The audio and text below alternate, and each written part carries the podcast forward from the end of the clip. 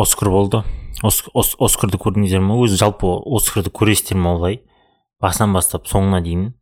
Там қалай болған не болған деген сияқтылар. Өзі қанша үш сағат па? қырық минут па болады екен? Үш сағат қырық минут или төрт сағат па? Вообще соны отырып көретін адамдар бар ма ше? И ол американың уақытымен примерно кешке таман болатын шығар. Бізде түнгі түнде ма? Таңғы сағат төрт таңғы сағат төртте ма бола ма? Сондай бірдеңесі бар ше? Білмеймін көретін адам бар ма жоқ па біздің елде? Бірақ жалпы көрсеңіздер таң қаламын сендер ұйықтамайсыздар ма осы көреді не керек? Оскар негізі андай болған сияқты уже. Қалай айтсам болады. Біз достарымызбен оскар туралы әңгіме айтқанда айтамыз да. Оскар уже бұрынғыдай емес деп ше.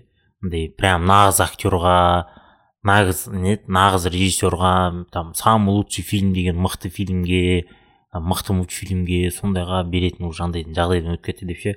Мықты мультфильм базар жоқ енді. Кейде кейде спорный болады. А былай көбінесе нормально береді деп ойлаймын. Бірақ бірақ лучший актер и потом лучший режиссура лучший фильм дегенге вообще андай еді күмәнім қалады уже ше толерантностьтің кесірі атаң келеді.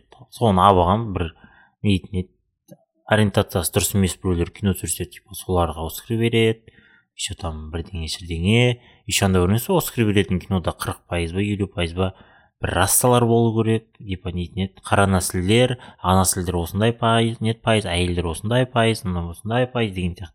Сондай нюанстар қойып тастағандай сонда сенің киноң ең мықты бәріне ұнаған рейтингі күшті болатын болса бірақ ішінде бір нетін еді үш азиат болу керек бірақ екі ақ азиат болып қалса сен де оскар алмай қаласың да. Или бес қара нәсіл адам болу керек төрт қара нәсіл адам болып қалса или бүйтуге бола ма типа бес қара нәсілді адам болу керек дейсің да. Екі сағат кино болады бір бір екі минутында бір бес қара нәсілді адамды жүгіртіп өткізесің. Все все все деп бірақ алдай алмайтын сияқтысың ғой. Примерно бір рөлде ойнау керек сияқты олар. Хотя бы второстепенный роль болса да ше массовкада ойнаса. Бірақ массовкада ойнаған болады дейтін болса хотя бы сол болатын еді. Ондай емес енді. Жалпы все везде и сразу сол кино алыпты ол киноны көрдім мен. Жалпы прям оскар алатындай кино деп айта алмаймын негізі бірақ. Үш жасқа бөліне ма сондай қандай нетін еді киноның өзі ше. Ыыы все везде и сразу деп үш антракт па үш бөлімге бөлінеді. Бірінші бөлімі нормальный болады все дейді по идее нормальныйға өтеді. Потом басталады по швам кетеді ғой. Ойнаған актриса базар жоқ. Мә білмеймін деп айтар едім лучший актер брендон фрейзер. Күмәнім жоқ қой короче. Әңгімем жоқ сөзім жоқ. Нағыз достойный адам болды. Брендон фрейзер. Білмеймін там анау колин фаррелдың ойнаған киносын көрмедім мен соны бір рет қарау керек. Бірақ бәрібір де брендон фрейзерге беретін едім. Өйткені ол осы уақытқа дейін осыншама андай нетін еді. Оскарға дейін қырғын андай болды да мероприятиялар ше. Андай нетін еді награждениелер соның бәрін алып келді осыған кейін ала алмаған ұят болатын еді. И то бір жағынан брендон фрейзер камбэк болды короче. Неше түрлі стресс андай қиын өмірден көтерілді да оскарды іздеткізді бірақ оның ең бір минусы бар да ориентациясы дұрыс емес адам рөлін ойнайды да ше. И то сол андай нетін еді андай жұбанышты андай ше андай нетін еді жаның ашитын адам рөлін ойнайды да. Сол жағы болмаса былай киносына нормально ұнаған по идее жақсы ұнаған просто сол ұнамай қалды маған олай ойлайтын шығарсыздар мен типа нетін еді ориентация стандартын ұната бермейтіндей қылмайды деген сияқты. Просто базар жоқ жақтырмаймын ондайларды. Олар психически ауру или там бір жері дұрыс емес деп ойлаймын. Дұрыс емес зат деп ойлаймын оны бірақ өз ойым. Бірақ брендон фрейзер ғана сол оскарды сол күні сол ұстап тұрған брендон фрейзер ғана болды мен айтарым ше. Сол кісі болмаса оскар көрмей ақ қоюға болатын еді. Ешқандай қызық болмаған уилл смит ешкім тұрмаған короче ондай ештеңе болмаған.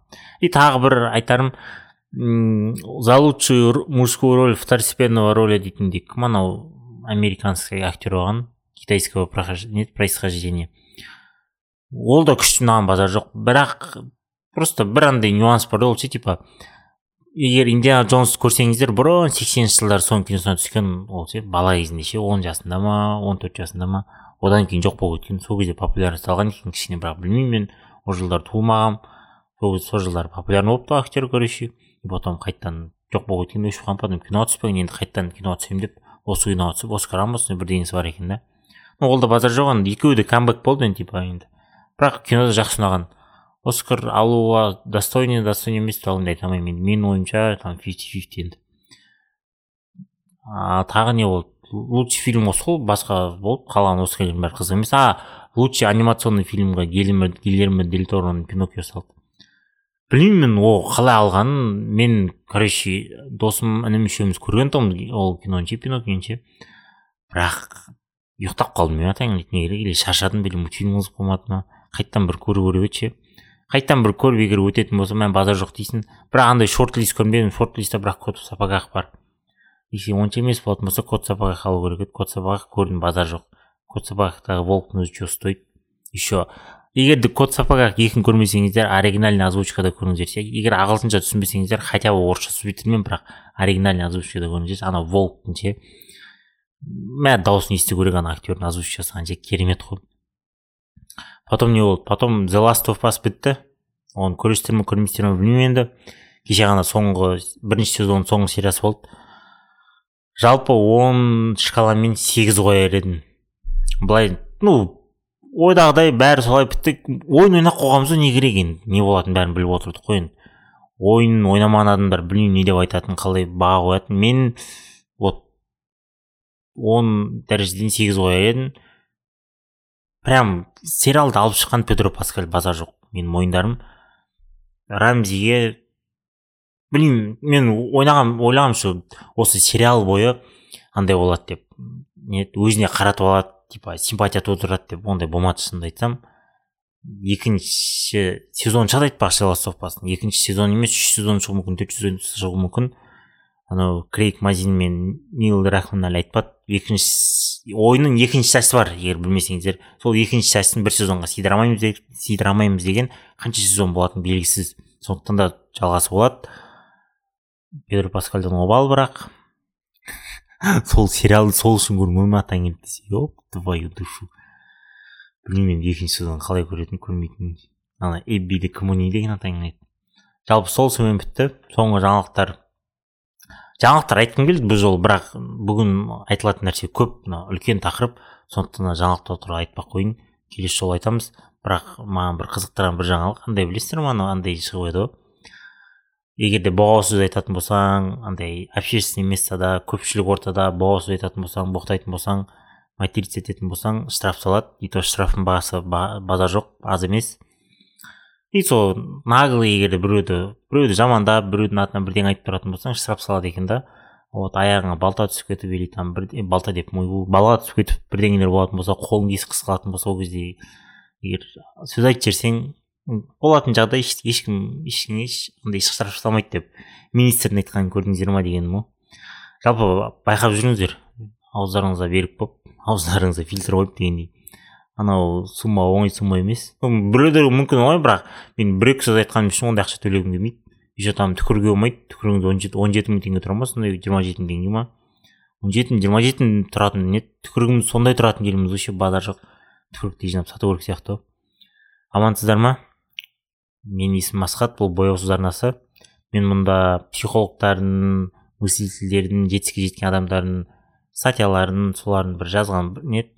Кітаптарын бірдеңелерін айтқан ойларын талқылаймын солар туралы айтамын кейде солар туралы оқып беремін арасында өзім солар туралы ойларымды айтамын жалпы қайырлы таң қайырлы күн қайырлы кеш қайырлы түн күннің қай уақытысында тыңдап отырсыздар сол күннің қайырлысы. Амансыздар ма? Кеттік. Қанша жылдар созбасын бәрібір керек асығыңа қорғасын. Неліктен жалғыз қаламын деп қорқасың бар ғой. Ғой сенің отбасың үйде так бүгінгі тақырып бүгінгі тақырып андай тақырып қой? Ыыы бір коллега таңдайтын болсаң или там адамдарды таңдайтын болсаң жалпы адамдарды егер дос жасатын болсаң или адам туралы білгің келсе бизнес жасатын болсаң коллегаң туралы білгісің келсе вообще адамды қалай білуге болады қалай жаруға болады деген сияқты сондай статья. Ыыы мен адамдардың мінезін немесе өздерін бағалайтын сегіз әдісін білемін дейді. Сол әдіс туралы айтамыз бүгін. Так бірінші әдіске көшейік. Бірінші әдіс. Олардың айтқанын ұмытыңыз. Олардың айтқанын ұмытыңыз. Оның орнына кімге үйленетін үйленетінін қараңыз дейді. Бұл сенімді әдіс және ол сізге басқа жолмен біле алмайтын адамдар туралы маңызды нәрселерді айтады. Адамның жұбайы күйеуін немесе әйелін таңдауы немесе егер ол үйленбесе таңдаған қасында жүрген серіктесі яғни жігіті немесе қызы ол айтқан немесе көпшілік алдында жасаған барлық нәрселерден әлдеқайда көп дейді. Бұл таңдау сізге олардың ішкі тілектері үміттері мен қажеттіліктері туралы айтады. Бұл олардың өздері туралы не ойлайтынын және өмірде не лайық деп санайтынын немесе қанағаттанатынын айтады дейді. Менің ойымша бұл сіз таба алатын басымдықтар мен құндылықтардың ең айқын көрсеткіші. Сондықтан келесі жолы сізді ә, кеште бейтаныс адамдармен таныстырғанда және олар бизнес туралы сөйлесе бастағанда серіктестерін бағалауға кем дегенде аз уақыт бөліңіз дейді. Егер сіз бұған назар аудармасаңыз сіз маңызды ақпарат көзін жоғалт, жоғалтасыз және нәтижесінде сіз өкінуіңіз мүмкін дейді. Так мына жерде күйеу мен әйеліне базар жоқ келсем бірақ қыз бен жігіт дейтін кезде или мен дұрыс аудармаған ба десе күйеу мен әйел қыз бен жігіт дейтінді артық болған сияқты. Күйеу мен әйеліне иә қарау керек сияқты. Жалпы адам кімді таңдайды өзін жар ретінде? Өзіне ұқсаған өмірлік көзқарастары бір өзінің ойлары бір болатын. Жалпы көп жағдайларда бір ойланатын адамды таңдамай ма? И сен мысалы біреудің алдында таныстырсаң бірдеңе қылып тұрсаң өзіңді жақсы жағынан көрсетуге тырысасың ну как бы сен біліп тұрсың ол сен ол адам сен ол адамның көңілінен шығу керексің. И сен ол адамға жақсы жағынан көріну керексің сияқты. Өзіңді әбден андай полировка жасайсың да.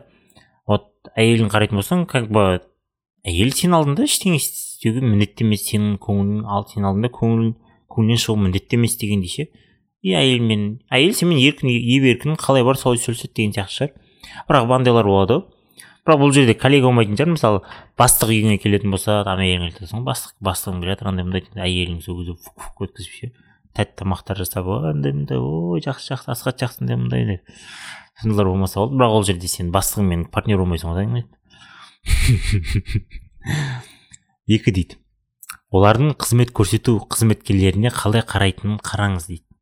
Жалпы обслуживающий персоналға қалай андай обслуживающий персоналмен қалай әрекет жасайтынын қараңыз деп жатыр адамдар билігі жоқ және ешқашан дәл солай ақы қайтара алмайтын адамдармен қарым қатынас жасағанда өздерінің шынайы табиғатын көрсетеді дейді. Олар өздерін бір күшті немесе барлық зардаптардан арылғандай сезінеді. Сондықтан олар өздерін солай ұстауға жол береді. Яғни олардың шынайы болмысы бірінші орынға шығады дейді.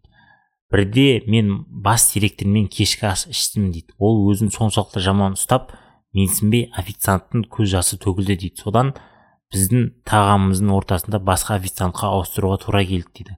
Басқа жағдайда мен басқа бас директормен жұмыс істедім. Ол қонақ үйдегі маңызды іскерлік кездесу алдында қызмет көрсету қызметкерлерінің біріне дәлізде айқайлап ұрысып тұрды дейді.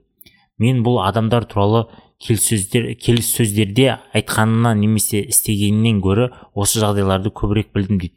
Шындығында сіз олармен дастархан басында болғаннан кейін олардың келіссөздер үстелінде айтатын ештеңесіне сенбеуіңіз мүмкін дейді. Керісінше мен қызмет көрсету қызметкерлерімен қарым қатынас өте сақ болатын танымал және ықпалды адамдарды көрмедім көрдім дейді. Бұл сіз таба алатын ең ә, сенімді сенімділік көрсеткіштерінің бірі болып табылады дейді. Обслуживающий персоналмен қалай өз өзін ұстайды адам солай көрінеді дегенді айтып жатыр ғой жалпы менің ойымша андай сияқты ше. Ну мына жерде айтты басында білесіздер ма андай деп. Ә, саған ол ақы қайтара алмайды саған ештеңе істей алмайды. Сондықтан да сен типа өзің кісі болып көрсетесің деген ше. Менің ойымша бұл жерде просто андай адам ақшадан өзгеріп кеткен деп ойлаймын там. Андай власттан ше. Басқа ештеңе деп айта алмайсың ғой. Иә енді базар жоқ. Қалай айтсам болады дұрыстау керек дегендей. Мен өзім базар жоқ енді. Официанттармен андайлармен обслуживающий персоналдармен өзім сыпайы сөйлесемін. Өйткені өзім мен услуга көрсететін бизнесте жұмыс жасаймын. Мен де адамдарға услуга көрсетемін. Мен де бір ретінде обслуживающий персонал болмасам да услуга көрсететін бизнес маған да адамдар келеді. Осындай осындайды айтады. Дүкен дейтіндер де бар кісі болатындар да бар. Не базар жоқ. Қиын қалай айтсам болады. Қиын услуга көрсету жұмысында жұмыс жұмыс істеу ше? Өте өте қиын. Өйткені саған неше түрлі адам келеді ше? Айтсам болады типа бірдеңелеріңді айтып кетеді еще саған боқтап кететіндер де бар ше? Сен вообще кінәлі де емессің ше? И кейде кейде айтқың келеді сен не деп тұрсың дегендей сияқты ше? Мысалы үлкен кісілер келеді маған мысалы үлкен кісі үлкен кісілерді сен сыйлайсың ғой жасы үлкен дегендей. Бірақ олар келеді да типа андай қылады. Не мынауың неге қымбат? Сендер халықты не халықты не андай ұрлайсыңдар бірдеңе шірдеңе не опассыздар сендер неме нетін еді жер қалай көтеріп жүр бірдеңе шірдеңе андай мындай деп ше? Емай дейсің ғой анау соншама айтқан ше сонда ақша бір екі жүз теңге ма үш жүз теңге ма төлеп тұр да ше? Ну базар жоқ біреуге екі жүз теңге енді үлкен ақша болуы мүмкін біреуге жай ақша болуы мүмкін. Бірақ енді екі жүз екі жүз үш теңге үшін бір адамды өйтіп қорлаудың қажеті жоқ деп ойлаймын мен. Егер де қажет жоқ дегенде қалай айтсам болады. Ә, сен просто не еді айттың ақшаның бағасын міне осындай деп ше. Ол сен әлі ештеңе алмады да. Просто бағасын айтқанда саған сондай әңгіме айтып жатыр да ше. Емай дейсің ғой. Ну білмеймін енді ана кісі өмірде не көргенін енді бірақ енді өйтіп айтудың қажеті жоқ енді. Бірақ сондай кісілер келеді енді амал жоқ. Мақұл мақұл жарайды жарайды деп андай қыласың. Просто кейде кейде сөйтіп жыналатын кездерім болады енді өз өзіңді ұстау керек. Бірақ ондай адамдар бар. Бірақ мен таңғалғаным жаңа бір адаммен отырып короче мысалы біреумен кездесіп жатрсың типа переговоры жүріп жатыр анау мынау. И сен қалай отырып официантқа қандай қыласың? Типа мынаны жуып кел мынаны бүйтіп кел сен не істеп тұрсың сен неге тез ымламайсың сияқты ше? Сен алдыңда отырған адам. Или слишком тупой или білмедім ше ана адам ше? Алдында адам тұрғаннан кейін сондай адам болсаң да өзің нормально ұстасай типа. Қанша не ұстай алмасаң да нетін официанттармен отношение сондай болатын болса да өзің түріңе маска киіп алсаң да хотя бы өзің дұрыс ұстасай деп отқаным ғой жаман енді ол бірақ енді любой адам сөйтіп өзін дұрыс ұстайтын сияқты. Ғой жалпы иә бұл да дұрыс деп ойлаймын.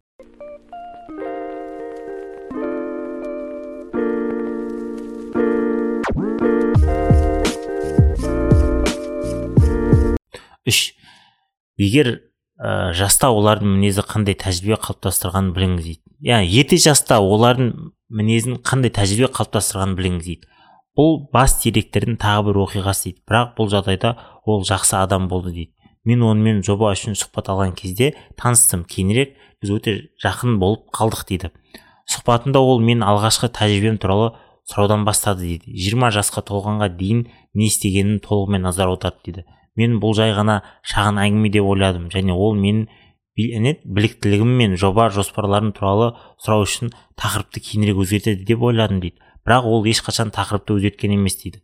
Біз ә, бір сағаттан астам уақыт сөйлестік тек менің балық шағым жасөспірім кезім және ересек жасқа дейін қалай өскенім туралы дейді. Кейінірек ол маған ұйымдағы басқа адамдарға ә, тіркелгі ә, тіркелгі деректер сияқты қызықсыз нәрселер туралы алаңдауға мүмкіндік беретінін түсіндірді дейді. Ол адамдардың мінезі мен қиындықтарды жеңу қабілетін өмірінің алғашқы екі он жылдығында толығымен дерлік қалыптасатынын сенімді дейді. Оның айтуынша бұл әдеттен тыс жағдай. Адамдар осы сәттен кейін айтарлықтай өзгереді өзгереді. Көп емес бірақ өте сирек. Сондықтан да сол алғашқы жылдар әрқашан оның зерттеу орталығы болды дейді. Бұл менің жұмысшылар отбасынан шыққан кезім маған зиян тигізбеді. Оның көзқарасы бойынша мен колледжге түскенге дейін жүріп өткен қашықтық менің ең маңызды ә, сапам болды дейді. Бұл ол бұл техниканы тым алысқа апарған болуы мүмкін және мен бұл тәсілмен алғаш танысқан кезде мен оған өте немқұрайлы қарадым. Мен оның сұхбаттасу тәжірибесі жоқ деп ойладым. Бірақ мен оны жақсы біле бастадым және уақыт өте келе оның адамдарды бағалаудың әсерлі тәжірибесі бар екенін көрдім дейді. Енді мен оның бір нәрсеге қабілетті екенін сенемін дейді. Және мен адамдардың кім екенін және қиын жағдайларда қалай әрекет ете алатынын анықтауым керек болған кезде осындай әдісті қолданамын дейді. Жалпы жиырма жасқа дейін неме айналыстың деген сияқты ғой не істедің қалай өстің қандай ортада өстің не қылдың деген сияқты. Адам өзгеру қиын деген нәрсеге алып келеді бұл ше егер адам өзі қаламаса. жиырма жаста жиырма жас жиырма жыл аралығында қандай әдет айырылдың қандай ақыл үйрендің қандай әрекеттер жасадың не істедің соның бәрі сен сені қалыптастырады деген сияқты. Базар жоқ иә келісемін жаңағыда айтты көрдіңіздер ма жиырма жасқа дейін көп нәрсе үйренесің жиырма жастан кейін адамдар өзгереді жиырма жастан кейін де бірақ өте сирек дейді. Көбісі осы қалыппен қарады осы темппен қалады деп жатыр яғни жиырма жас жиырма бес жасқа дейін адамдар не істеді не қылды. Типа қандай не теорияны өтті қандай практикадан өтті соның бәрін қарау қажет соның бәрін еске алу қажет деп жатыр. Дұрыс шығар деп ойлаймын. Бірақ иә жаңа адам көп адам өзгермейді. Иә дұрыс. Төрт. Олар өздерінің ең құнды екі ресурсын қалай инвестициялайды дейді. Мен мақалалар мен кітаптар жазамын бірақ мені ашатын екі құжат менің күнтізбем және ай сайынғы бюджетім дейді. Мен кейбір ә, көріпкелдер адамның болашағын оқу үшін оның алақанын қарағысы келетінін білемін. Бірақ мен олардың уақыт пен ақшаны қалай жұмсайтынын қарастырғым келеді дейді. Олар адамның шын мәнінде не екенін ашады дейді. Бұл мен үшін де сіз үшін де басқалар үшін де дұрыс. Дұрыс нәрсені айту өте оңай бірақ уақыт пен ақша сөзден әлдеқайда қымбат. Адамдардың осы екі ресурсты қалай бөлетінін мұқият қадағалаңыз. Сонда сіз оларды өте терең деңгейде түсінесіз дейді. Уақыт неге жұмсайды ақша неге жұмсайды. Бұл жерде екеуі бір нәрсе болып тұрған сияқты өйткені ақшаң жұмсаған нәрсеге уақытың кететін сияқты. Түнімен қаңырама ары бері бері ары жүрістер ма ақшаң болмайтын нәрсеге не жұмсай ма деген сияқты нәрселер ғой. Жалпы иә келісемін. Мына жерде по идее келісемін деп қоямын бәрімен келісемін негізі. Өзім оқып қалдым ғой. Бес басқалардағы адамдарды не тітіркендіретінін анықтаңыз. Өйткені бұл олардың өздеріне ұнамайтын қасиеті болуы мүмкін дейді. Бұл адамдар байқаусызда өздері туралы бірдеңе ашатын тағы бір жағдай дейді. Мен мұны жиі көргенім сонша бұл табиғаттан тыс дейді. Адамдардың басқаларды жек көретін кемшілігі әдетте өздерінің ең үлкен әлсіздігі болып табылады. Менің әкем өмір бойы темекі шегетін олар оның өмірін айтарлықтай қысқартты дейді. Ол ата аналардың ішіндегі ең кешірімді және шыдамды болды. Бірақ егер мен темекі шегуді бастасам ол жылап жіберер еді дейді. Ол менің өлімге әкелетін қателікке еліктеуден басқа кез келген қателігімді қабылдайтын еді дейді. Бірақ бұл барлық жерде болады. Алаяқтар әрқашан басқалардың адал емес екенін шағымданады. Өтірікші әрқашан басқалардың өтірік айтады деп айыптайды. Ата аналар балаларының өздері сияқты қателіктер жібергенін көргенде өздері мүлдем өздерін мүлдем жоғалтады. Бұл таза кездейсоқтық сияқты көрінуі мүмкін бірақ бұған жақсы себеп бар. Айнаға қараған кезде біз сыртқы келбетіміздегі барлық кемшіліктерді көргенді ұнатпаймыз және басқа адамдардағы басқа адамдарға қарағанда қараған кезде солай болады дейді. Олар да айналар сияқты. Осылайша біз күнделікті күресетін әлсіздіктен гөрі бұрын соңды болмаған әлсіздікті кешіре аламыз дейді. Қара алаяқтар әрқашан басқалардың адал емес екеніне шағымданады. Өтірікші әрқашан басқа адамдардың өтірік айтады деп айыптайды. Ата аналар балаларын өздері сияқты қателіктер жібергенін көргенде өздерін кінәлайды өздерін мүлдем жоғалтады дейді. Ұсақ сөйлеммен ұсақ предложениемен бәрі түсінікті болып тұр ғой ондай менде де бар. Бәрімізде бар шығар. Ана өкіметті жамандай беретін адамдар мынаны бүйте беретін адамдар адам бәрі осындай адам бәрі топас адам бәрі мындай. Бірақ мен айтамын что не ақылды адамдар аз ақылды адамдар аз деген сияқты. Сонда ақылды адамдар көп емес деген сияқты. Значит өзімді ақылды емес деп ойлаймын. Мен базар жоқ дұрыс дұрыс дұрыс келісемін жалпы андай адамдардың кейбір нюанстарын айтады ше кемшіліктерін. Сол өзінен табылады деген. Бұл көп жерде айтылған нәрсе ше. Жалпы адамдардың кемшілігін біз былай ғой. Біреулердің кемшілігін қарауды ұнатамыз бірақ өзіміздің кемшілігімізді қараған кезде ұнатпаймыз. Қарасай былай ғой. Біреу туралы нетін еді кемшілігін айтқанын жақсы көреміз да ал өзіміздің кемшілігіміз туралы айтқан кезде ұнатпаймыз да негізі өзіміздің кемшілігімізді дүрбімен көру керек та ал біреудің кемшілігін дүрбіні аударып дүрбін мына жағымен көру керек қой ше.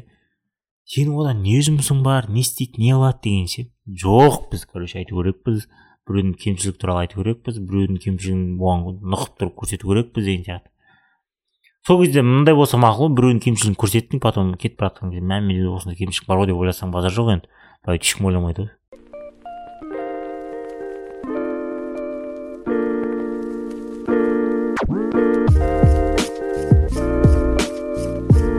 Олар тыңдай ала ма алтыншы дейді. Кәсіби жағдайдан әлеуметтік жағдайға дейін кез келген жағдайда адамдармен кездескенде олар бір сөйлеуді екі тыңдауды немесе үш екеуін де жасамауды таңдайды дейді. Мен үшінші топқа қарағанда бірінші топқа көбірек сенемін дейді. Бірақ екінші топ ең сирек кездеседі және өмір бойы тек бірнеше ғана тамаша тыңдаушыларды кездестірдім. Бірақ олар мен кездестірген ең тиімді адамдардың бірі болды дейді. Көбінесе біреудің дағдыларының бір бөлігі ретінде тыңдауға қарсы көзқарас бар. Сондықтан сіз оны ешқашан түйіндемеден көре алмайсыз дейді. Сөздердің көпшілігі ә, көп, ә, көпшілігіңіз сіздердің көпшілігіңіз бұл пассивтілік немесе жалқаулықты немесе басқа да мінездің жетіспеушілігін көрсет, көрсететіндеріңізге сен, ә, сенімдімін дейді. Менің ойымша бұл реакция үш жасайтын адамдарды екі жасайтын адамдармен шатастырудың нәтижесі деп ойлаймын дейді.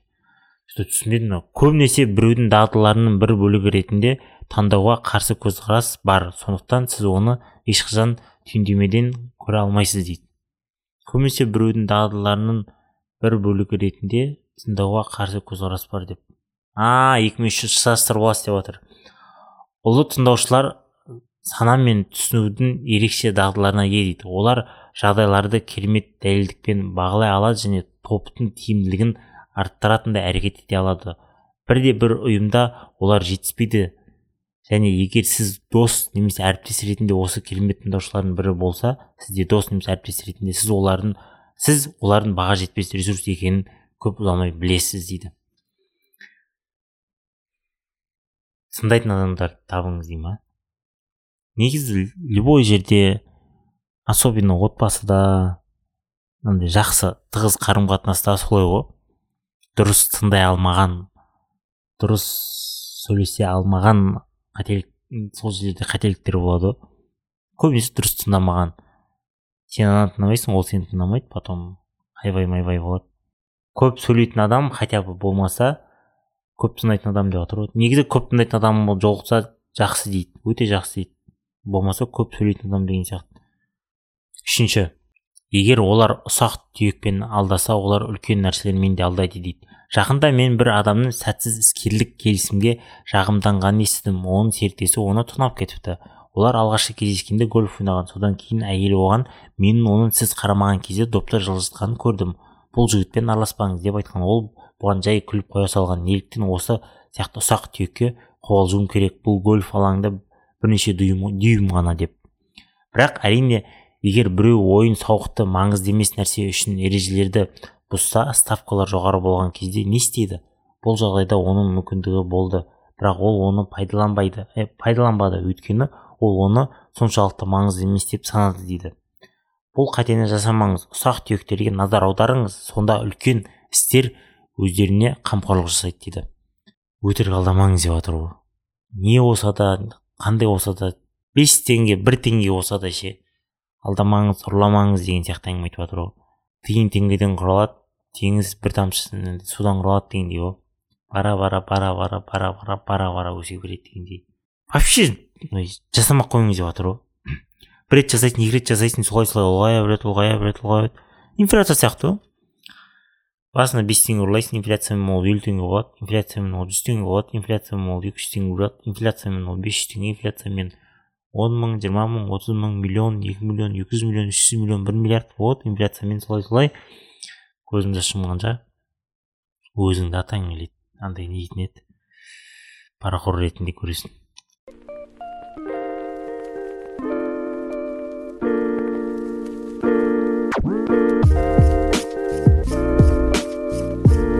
Сегіз соңғысы. Олардың күтпеген мәселелерді қалай шешетінін бағалаңыз дейді. Мен топ менеджерді жалдайтын компания қолданатын техниканың бір түрі туралы естідім дейді. Сұхбаттың соңғы раундында үміткерлер түскі асқа шақырылады және тамақтану кезінде бірдеңе дұрыс болмайды әрине мұның бәрі сынақтың бір түрі ретінде сахналанған дейді. Мүмкін біреу үстелге келіп сахна жасайды немесе үстелге ұсынылған тағам мүлдем дұрыс емес шығар дейді.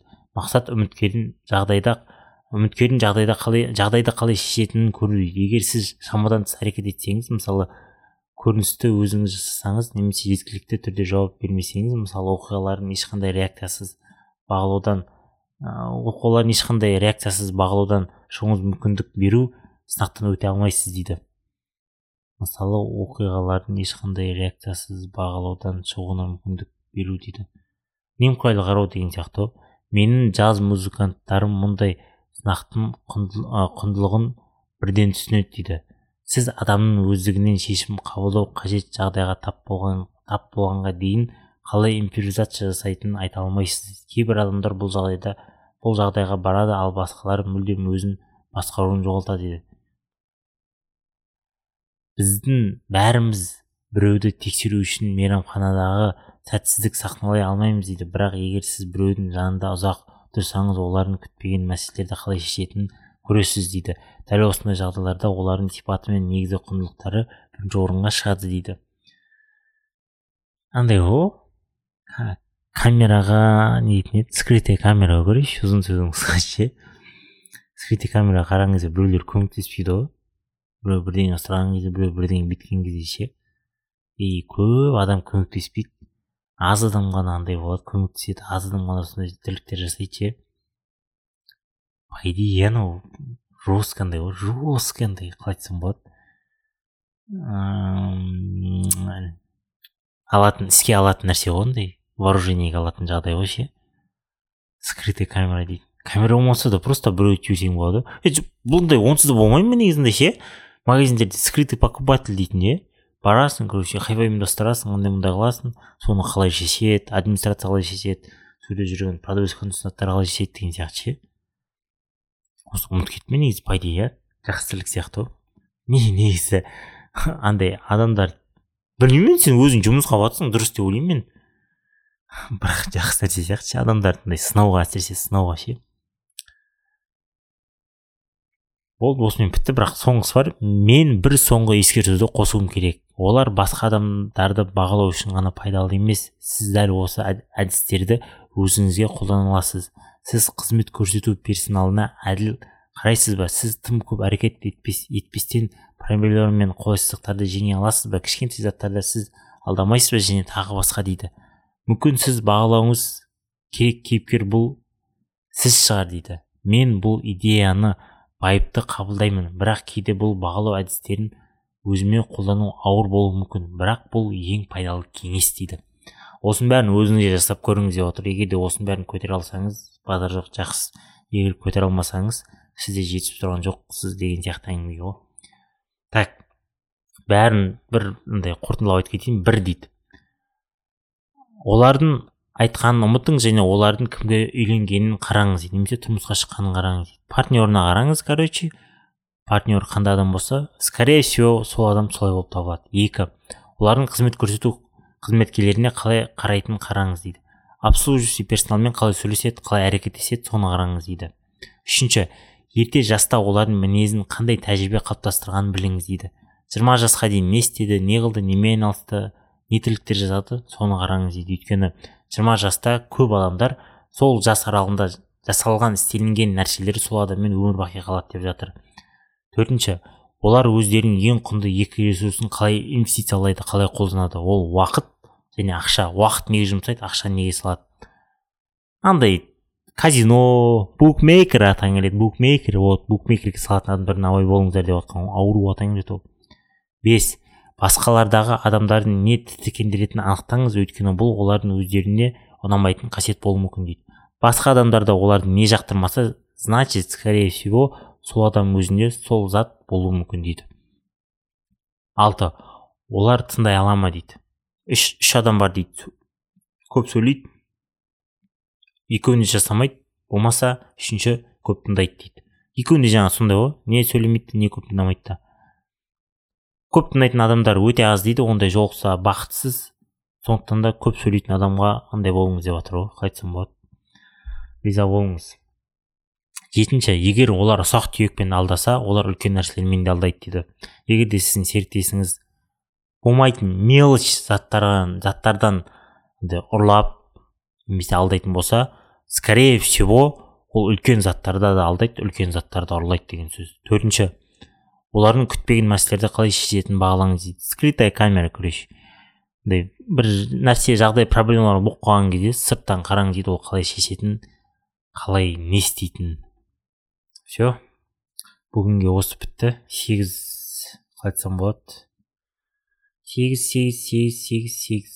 Навык иә сегіз навык сегіз знак сегіз білім. Осымен адамдарды андай қыласыз дейді ажырата аласыз адам туралы біле аласыздар дейді. Бүгіндікке осымен бітті. Соңына дейін тыңдағандарыңызға егер соңына дейін тыңдасаңыздар рахмет. Бір сөзбен аяқтайыншы. Кезінде бірде мен әкемнен сұраған едім да. Сіз үшін ең керемет сезім қандай сезім деп та сонда әкем айтқан еді да.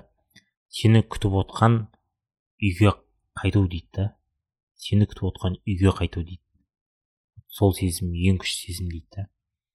Сондықтан да әрқайсыңызды үйде күтіп отқан отбасыларыңыз бар. Абай болыңыздар сақ болыңыздар. Үйлеріңізге отбасыларыңызға аналарыңыз әкелеріңізге аман есен оралыңыздар. Рахмет давайте аман болыңыздар. Сау болыңыздар